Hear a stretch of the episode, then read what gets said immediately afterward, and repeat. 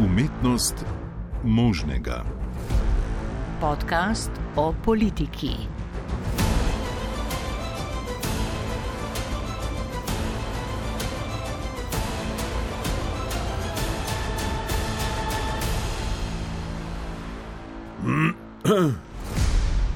To je zlasti pomembno za politiko.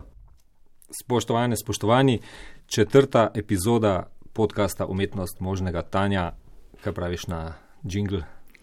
Jaz sem navdušena. Hollywoodski. Sploh ne morem verjeti. Ne. Ti, ti jingli so iz, iz podcasta v podcast boljši. Ja. Ja. Neverjetno. Uh, Jerry, jer ne sobočan ga je zmiksal, do konca oddaje dobimo spet novega, ampak to pot uh, ne vemo, kdo je avtor. Uh, direktorjev, adjutant, pravprotnik mi je sam napisal, ne rabite izpostavljati, kdo ga je naredil, rečete le, da je dober in da je v resnici vsak naslednji boljši. Evo tako v sodobnem novinarstvu potekajo stvari, Mhm. ne? nam povejo, kaj moramo povedati in potem. Mislim, mi tukaj je problem, ker, držimo. ker je res vsak, vsak en boljši od drugega. V redu, no, začnimo. Jingle je bil eh, res eh, odličen. To pa je že četrta epizoda podcasta o slovenski notranji politiki, umetnost možnega. Podcast pripravljava Aleš Kocijan, Radio Slovenija in Tanja Starič, Televizija Slovenija. Najni gostje, kot verjetno že veste, so tisti, ki politiko spremljajo iz prve vrste. V prvih epizodah sva se tako o aktualnih političnih temah pogovarjala s kolegi novinarji, poročevalci, komentatorji in analitiki, torej vsemi tistimi, ki vsak dan spremljajo notranje politično dogajanje in politike, o katerih sicer vsi vse vemo, tudi v resnici poznajo. No, nepogrešljivo orodje pri razumevanju političnih procesov pa so seveda raziskave javnega mnenja in zato je najna gostja danes tista oseba, ki nam na volivni večer običajno tolmači izide usporednih volitev, direktorica Medijane Janja Božič Marov, lep pozdrav. Uh, in doslej se, če se ne motim, nikoli še niste zmotili, kaj ne? Oh, lepo pozdravljeni, hvala za pohvalo, res je. Doslej smo delali usporedne volitve v Sloveniji 15 krat, naj si bodo to lokalne, evropske, predsedniške ali parlamentarne. In uh, vedno smo napovedali pravilno, celo so okrožili uh, uh, tviti, ki so uh, govorili oziroma pisali, da odkar imamo medijano, ne rabimo več volilne komisije. To je malo za šalo, malo za res, dejstvo pa je naslednje, da v Sloveniji smo še vedno doslej izvajali in prej zasnovali usporedne volitve, ki smo jih delali na terenu, na volilnih mm -hmm. mestih, na seveda skrbno izbranem in pretehtanem reprezentativnem vzorcu, ki je vedno slučajno izbran, in prav tako na slučajno izbranih voljivcih, ki zapuščajo volišča. Se pravi, vse to je teoretično in dejansko v praksi izpadlo tako, da smo napovedali vedno pravilno. Če kdaj smo se vedno, seveda, bali teh volitev, za nas je to adrenalinski dan najbolj v letu oziroma v vsakič v desetletju. Zakaj? Zaradi tega, ker ne glede na to, da zdaj po 15 zmagah, da ne rečem, to pomeni po pravilnih napovedih, res že verjamemo vase in v naše znanje. Nikoli pa ne moremo verjeti v navednicah, v voljivce in voljivke, ki zapuščajo volišče. Se pravi, ali nam bodo res odgovorili tako, kot so dejansko zaokrožili na uh, uh, lističu. Zakaj namreč gre? Dejstvo je, da se ne samo pri nas uh, lahko zgodi, da ljudje, ki volijo kandidata ali stranko, ki ni najvišje vrednotena v javnosti, zamolčijo svoj glas. Zdaj, ne da se zlažejo, v prvi vrsti se izognejo sploh sodelovanju na usporednih volitvah, v drugi vrsti bi pa lahko, da ne rečem, tudi zaokrožili drugače. Sama sem doživela to na terenu, ko so dejansko podporniki nezmagovalcev oziroma podporniki nezaželjene takrat stranke rekli, dejte, dejte zaokrožiti drugače na usporednih volitvah, zato da bo medijana tokrat eh, vendarle eh, ne pokazala pravega rezultata, da bomo slavili zmago. Torej, um, verjamemo v znanje, ki ga imamo, vedno znova bi nas pa lahko presenetili ljudje, ki bi namerno ali ne namerno, bodi si ne sodelovali ali zaokrožili drugače. Ampak zakaj, hočem, zakaj vse to razlagam? Zato, ker so se pojavili v Sloveniji tudi ugledni raziskovalci, ki so prepričali medije v Sloveniji, da se dajo usporedne volitve v Sloveniji izvesti tudi bodi si na spletu, bodi si na telefonu. Mi vsakič, ko izvajamo usporedne volitve, usporedno izvajamo tudi tako imenovano pilotno raziskavo na telefonu in na spletu, ampak doslej se je izkazalo, da niti telefonska, niti spletna usporedna metoda v Sloveniji še ne deluje. Zakaj? Nimamo znanih uteži, kajti v Sloveniji je vedno znova lahko do sedaj bilo presenečenje v tako imenovanem novem obrazu ali tako imenovani katerikoli novi stranki, ki se je pojavila tik pred volitvami. To je en razlog. Drugi razlog je pa ta, da se volilno telo obnaša v zadnjih treh dneh nepredvidljivo in še v zadnjih treh dneh pred volitvami včasih celo četrtina ne ve in na zadnji dan se celo deset odstotkov jih odloči drugače. Ampak zato nimamo uteži, s katerimi bi si lahko pomagali pri pravilni napovedi telefonskih ali spletnih sporednih volitev, medtem ko v svetu so pa že napovedali pravilno, zlasti naši kolegi v Kanadi, na sporedne volitve tudi samo na spletu.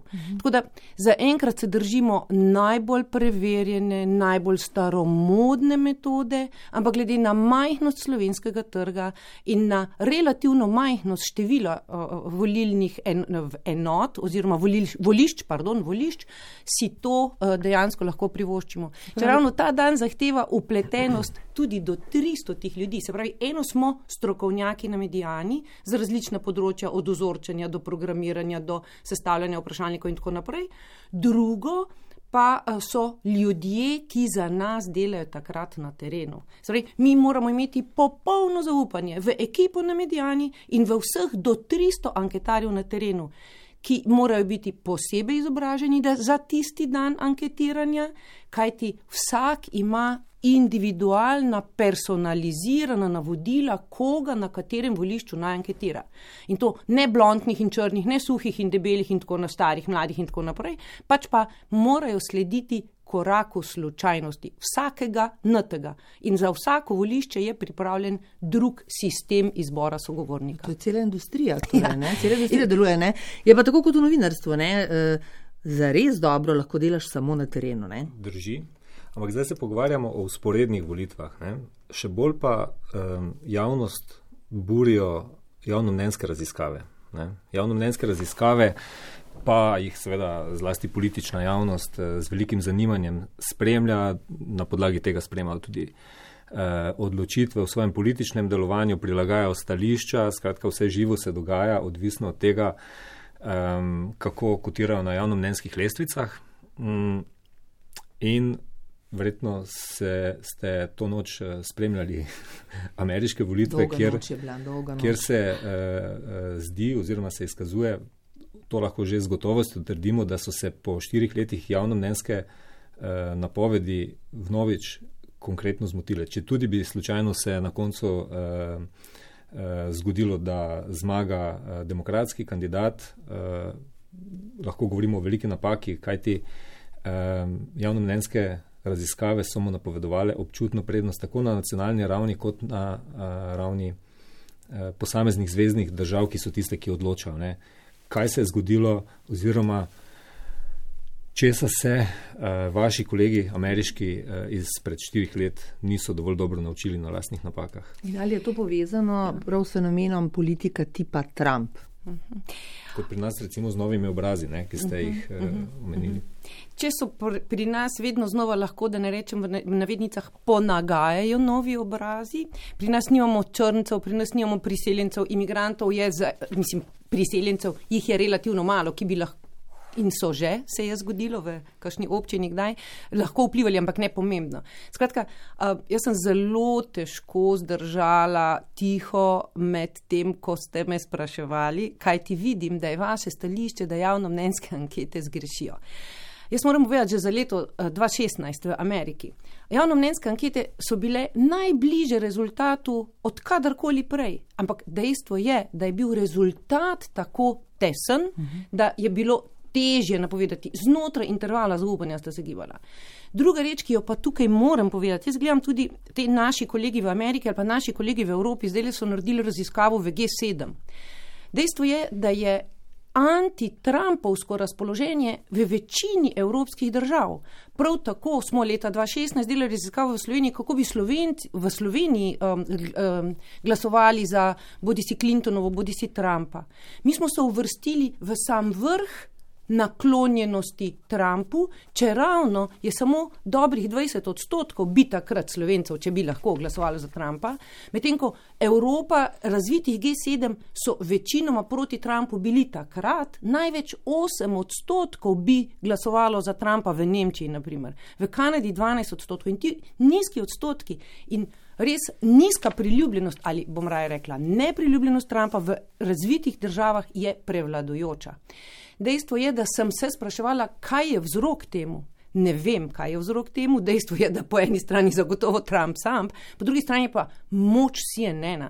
Če ravno vidiš, da so njihovi rejtingi, tako imenovani, moram reči, skratka, gledanost, se meri v desetinkah odstotkov v določeni državi ali v odstotkih, ampak očitno je pripomogel k nizkemu, uh, uh, uh, negativnemu imidžu Trumpa tudi CNN.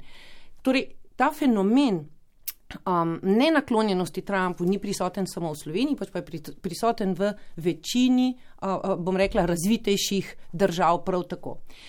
Um, torej, takrat se niso zmotili in danes tudi mi pretežno sledimo CNN-ovskim in moram reči, levo usmerjenim medijem v Sloveniji. Um, drugi mediji, torej desno usmerjeni in da ne rečem raziskovalci, ki so relevantni in objektivni, niso napovedovali tolikšne prednosti. Napovedovali so tesen izid. Torej, odvisno je, kateri medij spremljaš in kateri raziskovalec izvaja raziskave za kateri medij. To je ena stvar, druga stvar je pa naslednja. Letošnje volitve so, kolegi so, kolegi, če jim tako rečem, to so ugledne osebnosti iz sveta raziskovanja javnega mnenja. Um, so pred enim mesecem pripravili web, webinar, na katerem so upozarjali, da doslej je gospodarstvo odločalo, kdo bo zmagovalec, letos bi pa naj COVID odločal, kdo bo zmagovalec.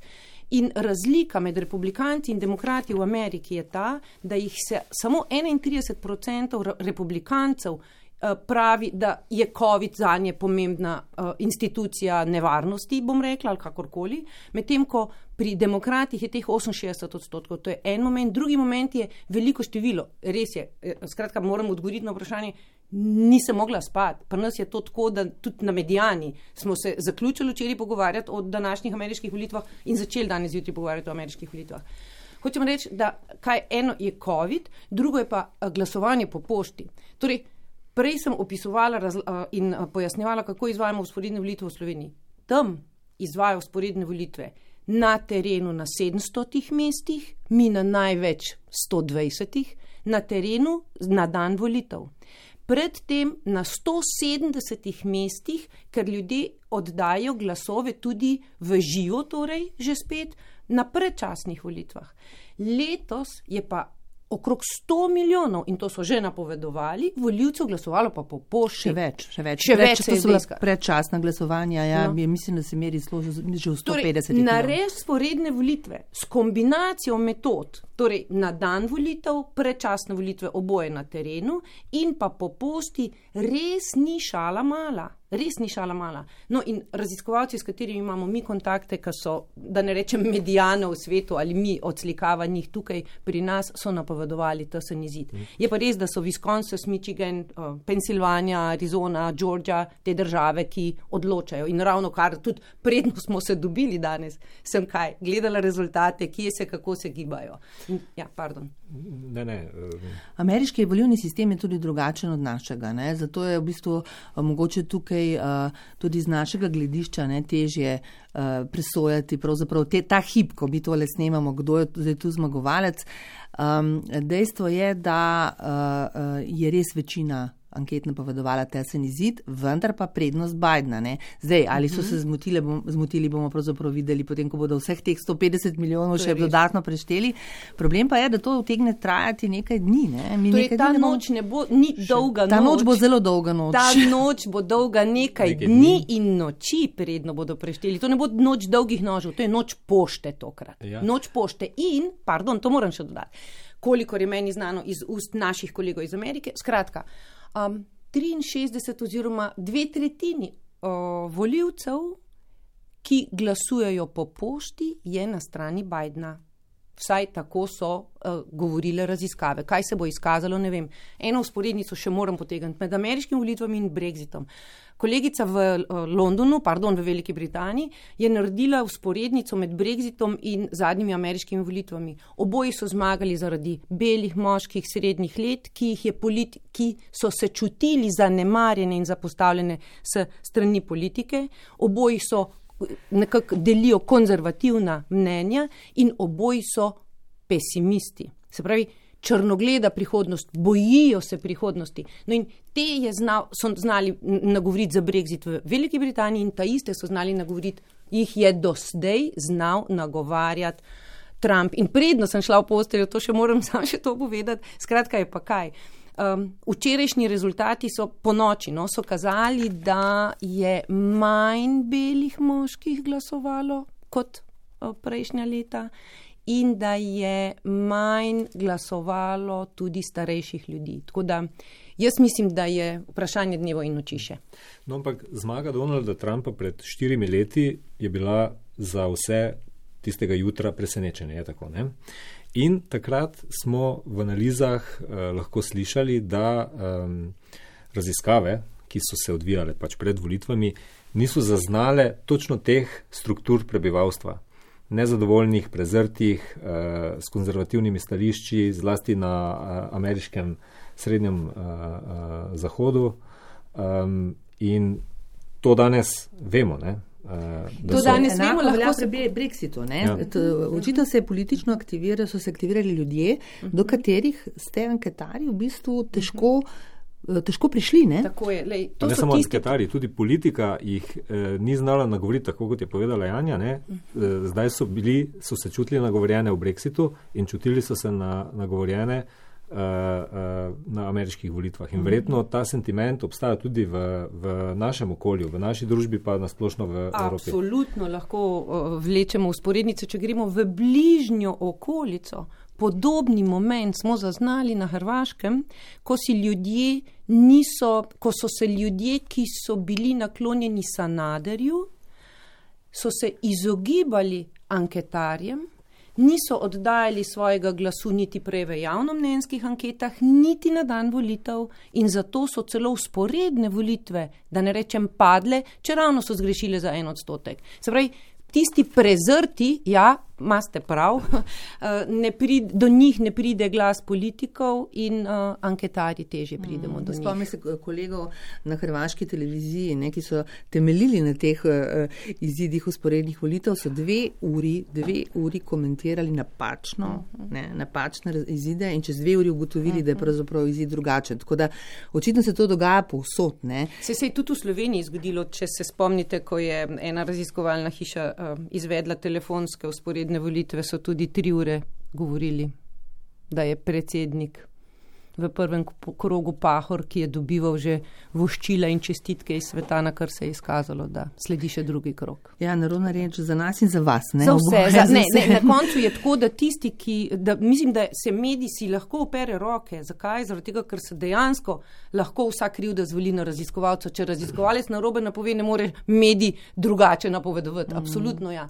In to je slaba luč za vse raziskovalce. Tako, ker sem jaz zdaj le, aleš, vi vprašali mal prej. Zdaj, vse, kar je narobe, smo narobe naredili raziskovalci. V bistvu smo za volilne rezultate na koncu krivi raziskovalci v navednicah, mm. ker smo narobe nekaj izmerili ali povedali. Ne? No, vi... da, ne glede na to, da mi smo vedno prav, ja, vse, kar se zgodi narobe pri enem, je slaba luč za vse raziskovalce. Mm. Ampak kako vi raziskovalci pridete do teh ljudi? Ne? Mi gledali smo uh, en zelo zanimiv film, uh, kako so uh, politiki prišli do ljudi, ki doslej nikoli niso šli voljati, recimo pri Brexitu, našli so jih preko Facebooka, preko družbenih omrežij, interneta. Kako pa jih vi uh, najdete? Ne vemo, včasih so bile ankete, stacionarni telefoni, ki jih danes nihče več ne uporablja.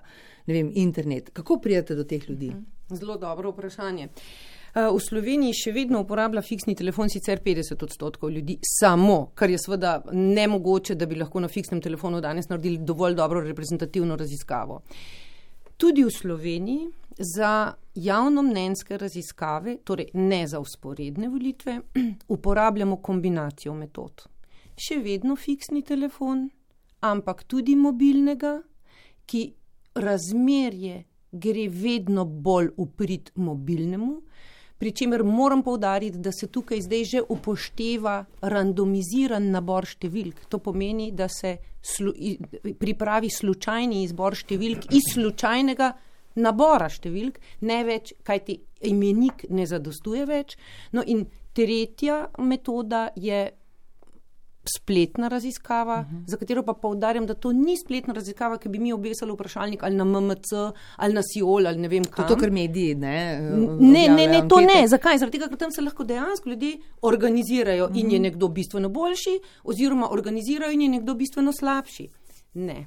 Mi v vseh kontaktih, torej na medijani, v vseh kontaktih, ki jih imamo z anketiraci na terenu, v terenskih raziskavah, in v telefonskih raziskavah, torej na telefonu, mobilnem in stacionarnem, vabimo ljudi k sodelovanju v našem tako imenovanem panelu. Panel pomeni kaj? To so ljudje, ki pristanejo na sodelovanje v raziskavah. Pričemer, mi ne delamo samo raziskav za javno mnenje, pač pa za, da ne rečem, vse vrste potrošnih dobrin, uh mhm, -huh, vse, kar uh -huh. se trži, prodaja, kar za ravno vse, ne, ampak za marsikaj. No in to so ljudje, danes jih imamo preko 20 tisoč v Sloveniji, ki jim tudi njim slu, vedno znova naredimo slučajni vzorec, katerim ljudem pošljemo vprašalnik, na katerega odgovarjajo, za koga bi, koga bi volili, če bi bile. Zdaj, in že tu je pomembno, kako je strukturirano vprašanje, na katerem mestu se katero vprašanje navaja in tako naprej. Mislim, da je v Sloveniji zelo pomembno, kdo izvaja raziskavo, ker je v bistvu imič raziskovalca se že ve, kdo bi naj bil korekten in kdo bi naj bil bolj v eno ali v drugo smer usmerjen. Torej, tudi za javno mnenjske raziskave v Sloveniji na medijani že uporabljamo kombinacijo treh vrst metod. No, in tu je potem umetnost eh, dejansko eh, izven dosega, bom rekla, eh, običajnih ljudi, pač pa pride do izraza znanje in pa izkušnje. Definitivno nam izkušnje, dolgoletne izkušnje tukaj precej uh. pomagajo in pa ljudje, ki nam zaupajo, torej verjeli ali ne. Jaz vedno večji podarek dajem tudi anketirancem kot takim. Torej, naši anketari pravijo, da ne da imajo lažji dostop do anketirancev na terenu, tudi teh pozabljenih, da ne rečem, ali zanemarjenih, ne da je lažji, pač pa je manj težak. Ko medijanin anketar potrka na vrata, je večja verjetnost, da mu odpro kot pač kdo drug. Se pravi, enako kot, spet enako kot pri medijih, uh, zaupanje, brand, ne, če lahko temu tako rečemo. A gremo na aktualno domače dogajanje? Ja, jaz bi, jaz bi mogoče, če smem odprl to uh, temo, jaz bi se še malo pogovoril o implikacijah. Um, Ameriških volitev, seveda na, na našo domačo politično uh, situacijo in sceno. Um, kar me preseneča, je ali pa zanima, no, niti ne toliko preseneča, je to, uh, naš predsednik vlade je uh, podprl uh, Donalda Trumpa v ameriški dirki, mislim, da je edini ali pa vsaj eden redkih evropskih voditeljev, ki je to naredil na zelo odprt način. In uh, v tem vidim pač samo politične razloge in vzgibe, da se je odločil za takšno potezo, ker pač gre za podporo republikanskemu kandidatu nekih racionalnih uh, uh, zgibov pa zato verjetno nima, ker imamo upravka tam v Ameriki z kandidatom, ki negira nevarnost koronavirusa, ki se posmehuje uh, preventivnim ukrepom. Na drugi strani pa naš premijer uh, išče krivce za razmah epidemije tudi v medijih, v političnih nasprotnikih in tako naprej. Čudi me ali pa preseneča me, da uh, je ubral takšno stavo. Um, glede na te navedene okoliščine in zakaj uh, se to recimo pri nas, oziroma ali se utegne taka, uh, tako neskladje v, uh, poznati tudi v, v javnem mnenju, ali to nima nobenega učinka, če tudi recimo uh, premijer Janša podpira kandidata, ki počne vse na področju uravnavanja epidemije, vse v nasprotju z, z njim.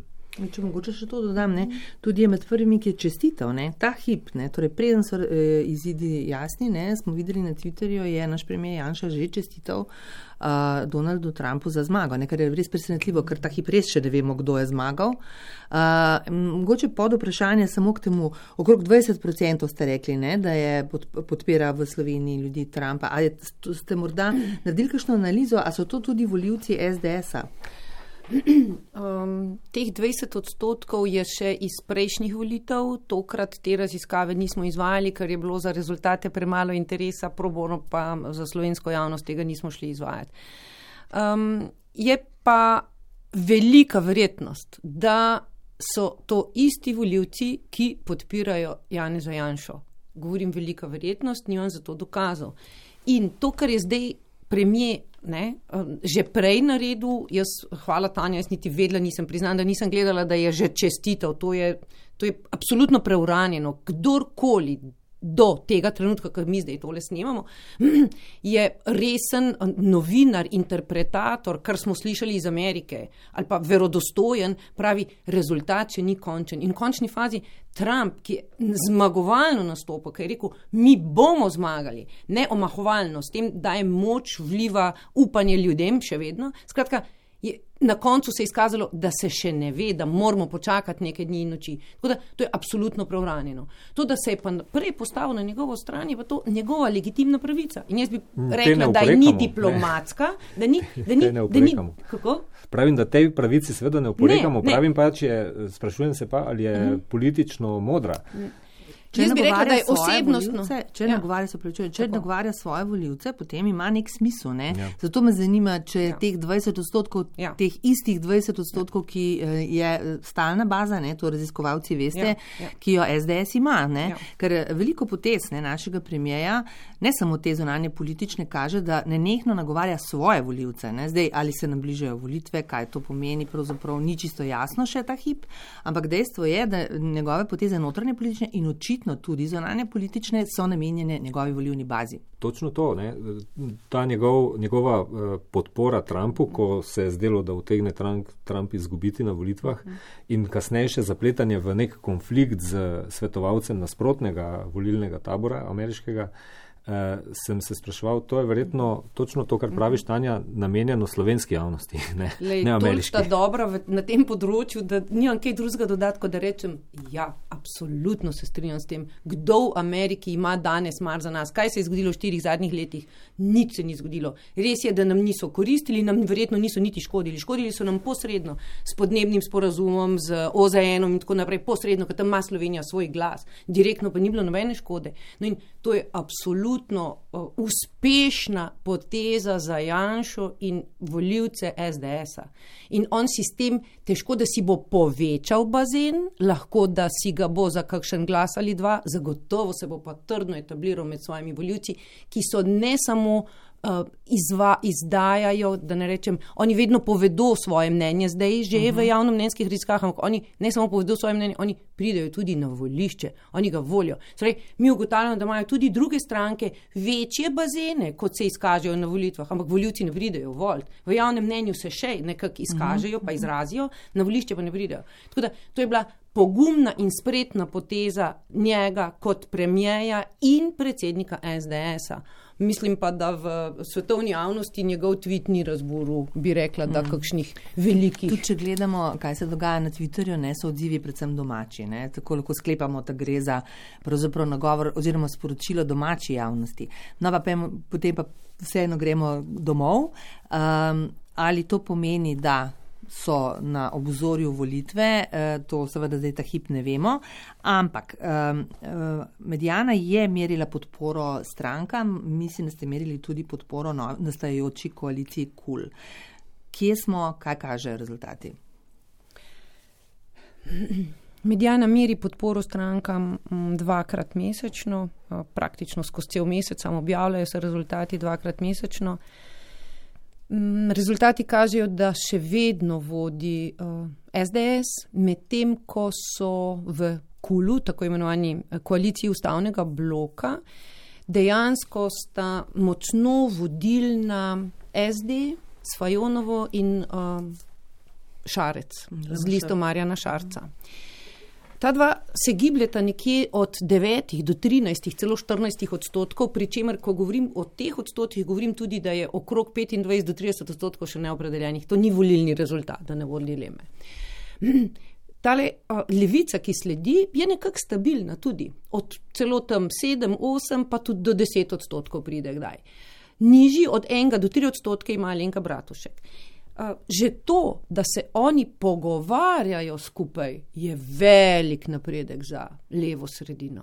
Absolutno. In že to ima v javnosti podporo kot tako, medtem ko ni še vedno ne naklonjeno uh, ljudstvo predčasnim volitvam, niti ta koalicija nima podpore. V bistvu ima, tri- ne bom rekla nima, pardon, se popravljam, ima 33 odstotno podporo samo ta hip. Vladajoča koalicija. Ne, koalicija Takoj. levega, ja, leve sredine, da ne rečem, levega bloka, torej koalicija ustavnega loka ima le 33 odstotno podporo.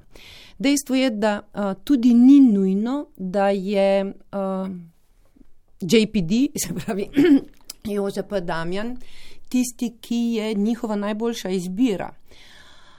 Očitno se veljaki, kot so preomenjena Fajonova, Šarec, Mesec in pa Bratušek, niso mogli medsebojno dogovoriti, koga izmed sebe bi postavili. Iskali so nekoga zunanjega, kar je za njih nekako očitno sprejemljivo, za ljudi pa, za ljudi, za volilno telo pa lahko da J. Janez P. Damjan ta hip ni najboljša rešitev. Verjetno je pa dejstvo tudi, da če nameravajo v kakršnokoli akcijo, časa ravno ni na pretek. Časa imajo malo. Uh, Jože pa Damjan je, um, mislim, na ponedeljek v studiu City napovedal, da bi takoj po kongresu uh, Desusa, to pa je uh, konec novembra, uh, pravzaprav lahko uh, ugotovili, kje smo in oziroma kje so, ne, ka, koliko glasov imajo v parlamentu in v bistvu v zelo kratkem času to operacijo, ki jo napovedujejo, izvedli. Zdaj, ali se bo to zgodilo? To seveda ne vemo.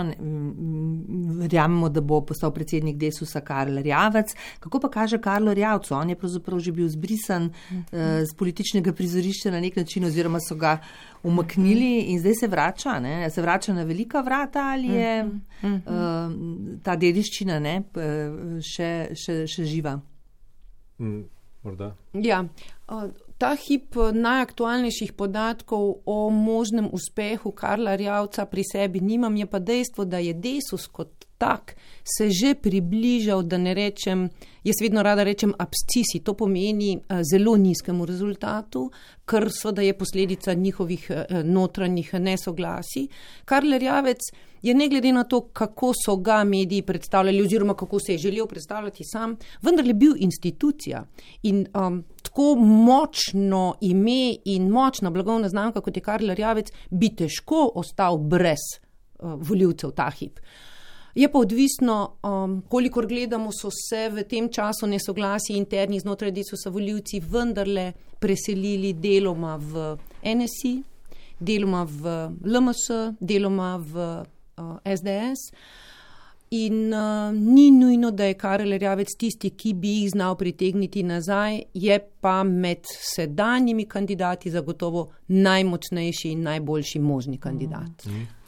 No, uh, Karol Rjavec, ki se bo očitno, no, to je zdaj skoraj gotovo vrnil na, na, na čelo Desusa, o, njem smo že skoraj pozabili, ne, da je on na volitvah uh, 2018 nastopil skupaj z Zoranom Jankovičem v tako imenovanem levem bloku, nek, nekakšni koaliciji, ki je uh, napovedala, in v to je povabil tudi ostale, pa se niso pridružili, ne, uh, skratka za zavezo, da se ne bo uh, koaliciji povezal z aktualnim premijem in njegovo stranko. Vmes je se zgodila uh, zamenjava v Desusu, um, tudi zamenjava na čelu vlade se je zgodila in naslednica njegova je šla v to koalicijo. Ali si Karl Rjavec, glede na svoje zaveze, lahko privošči, da stranko obdrži v koaliciji, glede na pač volilno telo, koliko ga je še ostalo, ali pa mogoče z neko držo računa na to, da volilno telo spet ukrepine, uh,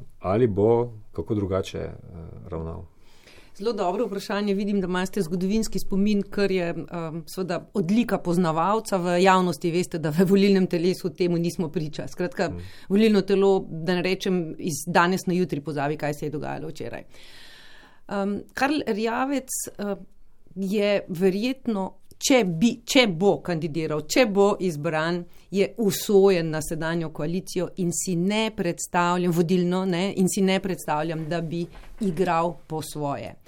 Eh, seveda, kul na to računa, upravičeno računa, ravno zaradi uh, zgodovinskega spomina in zaradi Karla Rjavca kot takega, ampak glede na uh, svoje poslance, ne, ki se držijo zaenkrat vodilnega, premijeja in vodilne eh, stranke, mislim, da bi mu bilo to dejansko težko ali celo nemogoče. Celo če, nemogoče. Če lahko še jaz dodam tudi izhajajoč iz zgodovinskega spomina, ne Karla Rjavec je, če kaj je mojster preživetja.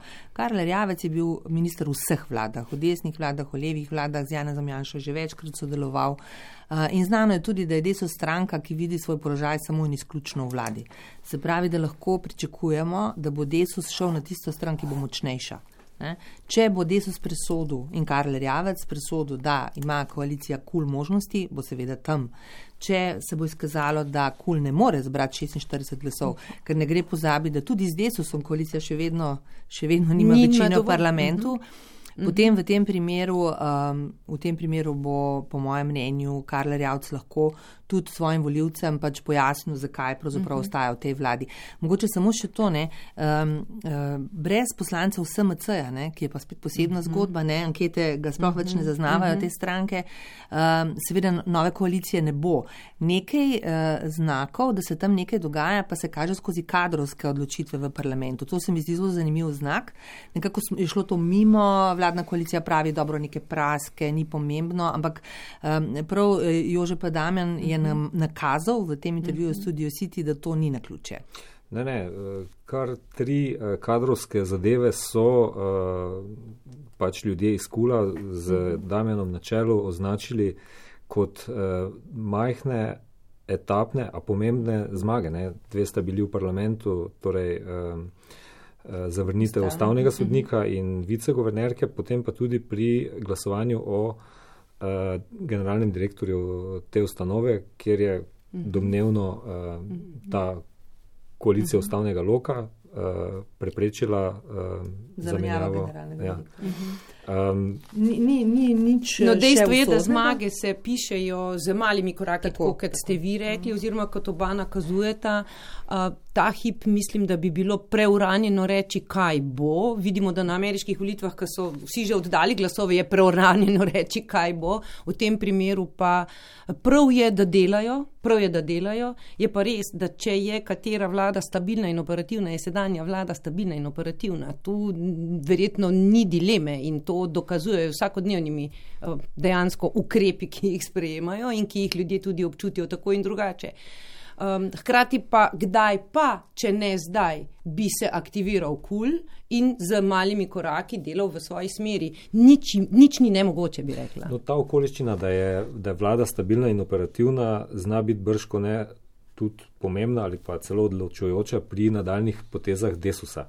Um, Jaz bi spet malo pobrskal po zgodovinskem spominu. Ne. Zdaj, eh, v ponedeljek, je eh, Jože Pedamen, pa tudi v intervjuju za večer, eh, na vprašanje, kaj koalicija ustavnega loka ponuja morebitnim prebežnikom oziroma stranki Desus in SMC, če se jim v primeru, da se jim pridružijo, je odgovoril, da jim ponujajo s tem dejanjem politično preživetje, kajti sicer, če bodo ustrajali v tej vladi, bodo po volitvah brško ne izginili z eh, političnega prizorišča.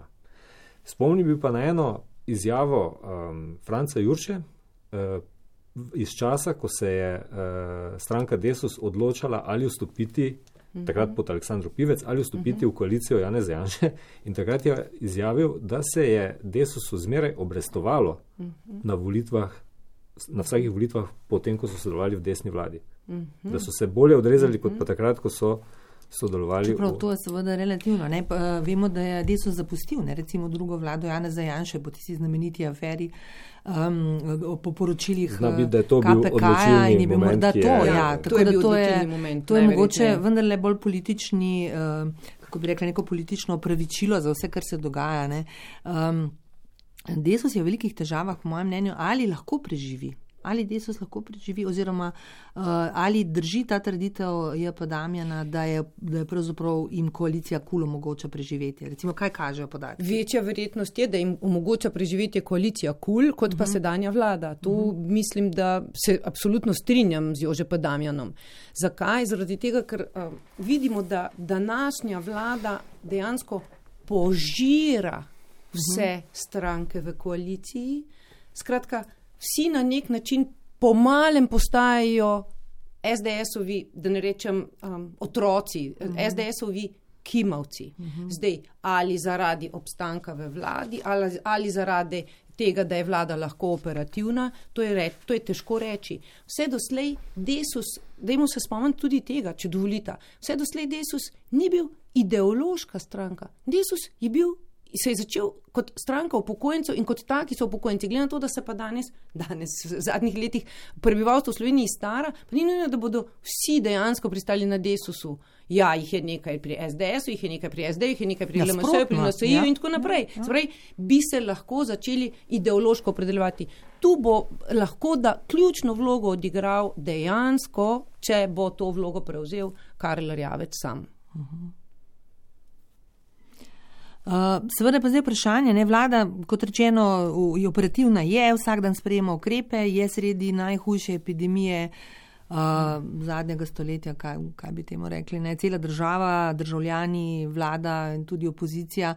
Uh, ukrepe, ki jih sprejema, seveda lahko sprejema samo, če ima zaupanje državljanov. Ali ta vlada ima zaupanje državljanov? Ta fenomen je dejansko nerazložljiv na prvo žogo. Kaj ti? Dejstvo je, da podpora vladi pada, podpora ukrepom je pa stabilna ali narašča. Skratka, ljudje menijo, da je prav, da so ukrepi strogi, da se ne gibljajo, da na račun svobode ščitijo svoje zdravje. Se pravi, ukrepi ja, vlada ne.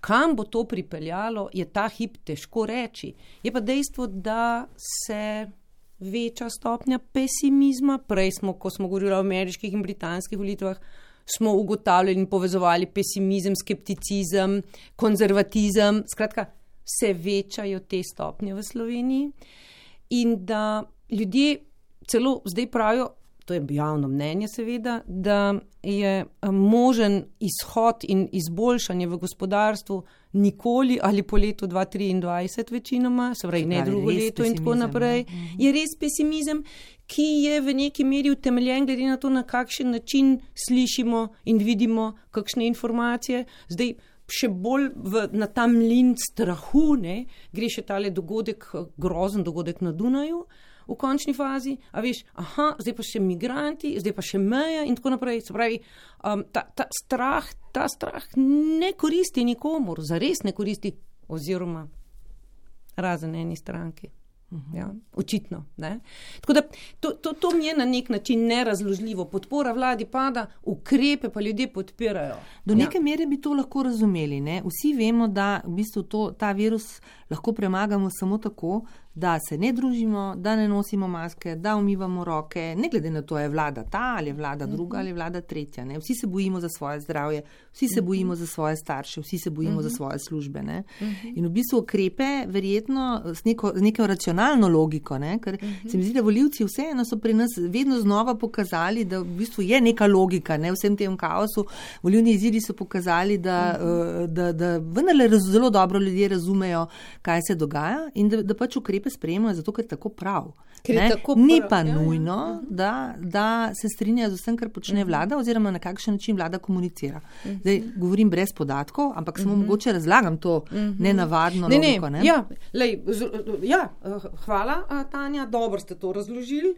Um, zdaj, kako se, dejstvo je tudi to, ne, da podatki pravijo, da so ljudje nezadovoljni z načinom komuniciranja in to nezadovoljstvo narašča.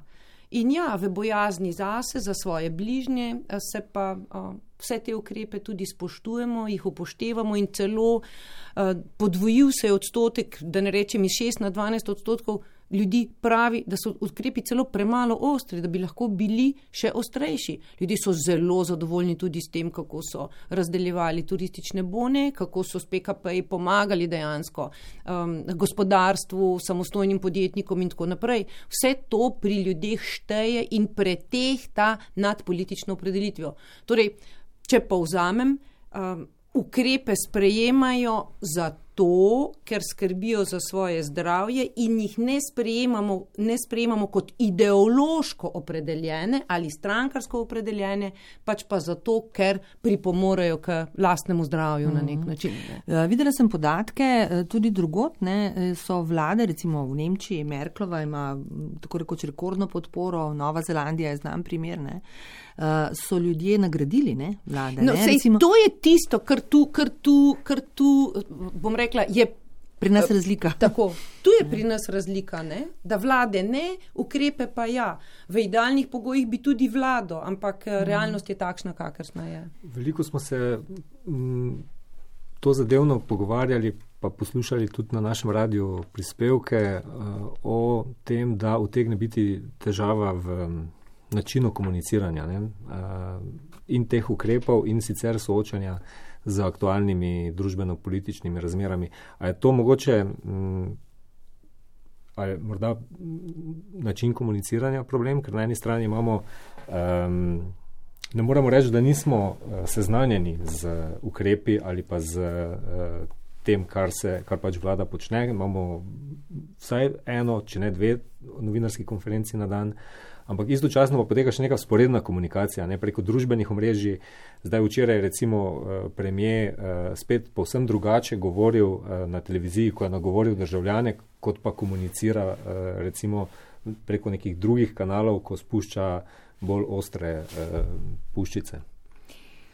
Te drugi kanali so minornega pomena, bi, pardon, drugi kanali bi bili minornega pomena, če bi ostali v kanalih samih. Kadar pa jih te druge kanale, pa bom direkt na Pograbijo Twitter, mediji. pograbijo množični mediji, pa dobijo na veljavi. In s tem tudi dobi na veljavi misel, ideja, kritika, ki, jo je, ki ji drugače ne bi uspelo priti v širšo javnost. V tem je ne, problem v Sloveniji. V Sloveniji spremlja tweet, uh, uh, Twitter 8 odstotkov ljudi. To je dejansko malo. To je dejansko malo v primerjavi s spremljanjem uh, radija in televizije in MMC na, na javni, javnem zavodu. Ne. Ampak ko pograbijo tudi drugi uveljavljeni mediji, verodostojni mediji, pridobijo na veljavi. Skratka, po drugi strani pa moram reči, da še vedno ne, kacina 15, katin, kacinu 15 odstotkov ljudi verjame najbolj, ko ga posluša. Se pravi, eno so rezultati, ki se merijo v splošni javnosti o zadovoljstvu in nezadovoljstvu in kritike komunikatorjev, drugo je pa dejstvo, da je eh, v Sloveniji smo tudi različni ljudje z različnimi mnenji in demokracija omogoča, da izražajo mnenja eh, svoja dejansko tako in drugače. Mene veseli, da smo jih zmožni posnet in izmeriti, da dobimo tiste, ki so nastrojeni proti in dobimo tiste, ki pohvalijo. Tako da uh, način je tisti, ki ljudi zmede, zakaj, ker se večkrat na dan in pojavljajo različne informacije In različni ukrepi tudi. in različni ukrepi, po drugi strani se zadeve, se dejansko stanje tako hitro spreminja, da je težko biti pameten za mesec dni vnaprej in jaz razumem, da je težko biti pameten za mesec dni vnaprej, ampak kar je lahko, da tisto, zaradi česar negativno ocenjujejo komuniciranje, je način ustrahovanja. Uh, vsa, jaz sem prej rekla, manj težko, ne lažje. Ampak razumete, dejstvo je, da je odvisno, na kakšen način kdo kaj pove, s kakšno intonacijo, spodbudno in optimistično ali negativno in pesimistično. Rezultati so, kakršni so, mm. sam način podajanja. Ljudje bolj zaupajo stro, stroki. Recimo, uh, Kar je Bejović, tudi. uh, Ja, Bejovič je Logar, najbolj, definitivno. najbolj. Mhm. Bejovičeva je uh, tudi medijsko najbolj izpostavljena in mislim, da je tudi prav. In uživa visoko zaupanje v javnosti. Ja, 25 odstotkov ljudi jo na priklic omeni Bejovičevo kot osebo, ki ji najbolj zaupa, ko gre za informacije o koronavirusu. Dejstvo je, da je. Mislim, da tudi bolje in prav tako, da lečevlje sodi naj kopitar, naj spregovori stroka in ne politika v tem primeru, ko se razlaga situacija okrog COVID-a. Se pravi, če bi potegnili črto, da stroko v prvo vrsto, nagovarja tudi tiste, tudi tiste ljudi, ki ne volijo nujno tvojo stranko in bi verjetno tile vaši rezultati bili malo drugačni. Ampak odločitve bo zmeraj morala sprejemati Absolutno, politika in za nje absolutno. tudi sprejemati odgovornost. Tako je. Uh, mimo grede, eh, si opazil, da so se politiki naučili nositi maske? ja, pa dvomim, da zato, ker vsi poslušajo ta podcast. Ja, najbrž res ne. Mislim, da so razmere eh, tako zaostrene, da, da se marsikdo, no, eh, tudi na ulicah, na javnem prevozu, eh, v službi, posod, mislim, da smo veliko bolj dosledni, kot smo Ja. bili. In to potrjuje, ne? Ja, te, to te raziskave. raziskave, da zagotovo, no, že pravim, da s podpiranjem ukrepov, nošenje maške, čiščenje rok, razkožila uporaba in tako naprej. In če se ozrete naokrog, ne vidite več človeka brez maske dejansko. Ne. Kar je v tem trenutku prav, ne? danes spet zelo, zelo slabi, slabi rezultati eh, včerajšnjih testiranj. Nekako ne, ne vidimo še te luči na koncu tunela, vsi skupaj. Ne? In to absolutno vpliva tudi na to, o čemer govorimo v tem našem podkastu, se pravi na politiko. Uh, bomo počasi se približali koncu. Lepo nam eh, je tekla beseda, ampak ja, Počasi bo treba hitri? zaključiti. Ja, to je bil uh, četrti podcast Umetnost možnega v notranji politiki, pripombe, predloge, pohvale. Uh, vse to je seveda dobrodošlo, malo manj kritike, ampak tudi jih z veseljem bomo poslušali. Smo na družbenih omrežjih, na spletni strani MMC in Radija Prvi.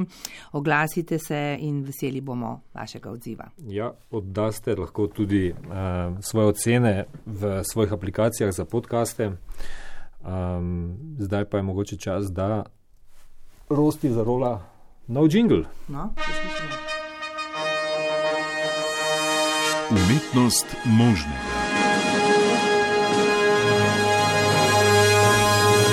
Podcast o politiki. Uh, še enkrat, Umetnost možnega. Podcast o politiki. Ali ti je to v redu? prav gotovo.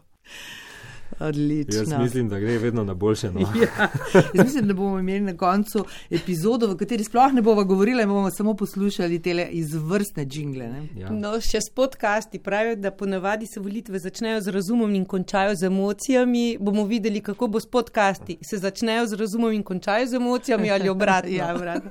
Janja, najlepša hvala, za, uh, da si bila najna gostja. Veliko zanimivih informacij, še kdaj. V veselje, hvala za povabilo in v čast mi je bilo sodelovati z vama. Hvala. Tako je, hvala. Eh, Z vami sva bila eh, Tanja Starič, Televizija Slovenija in Aleš Kocjan, Radio Slovenija.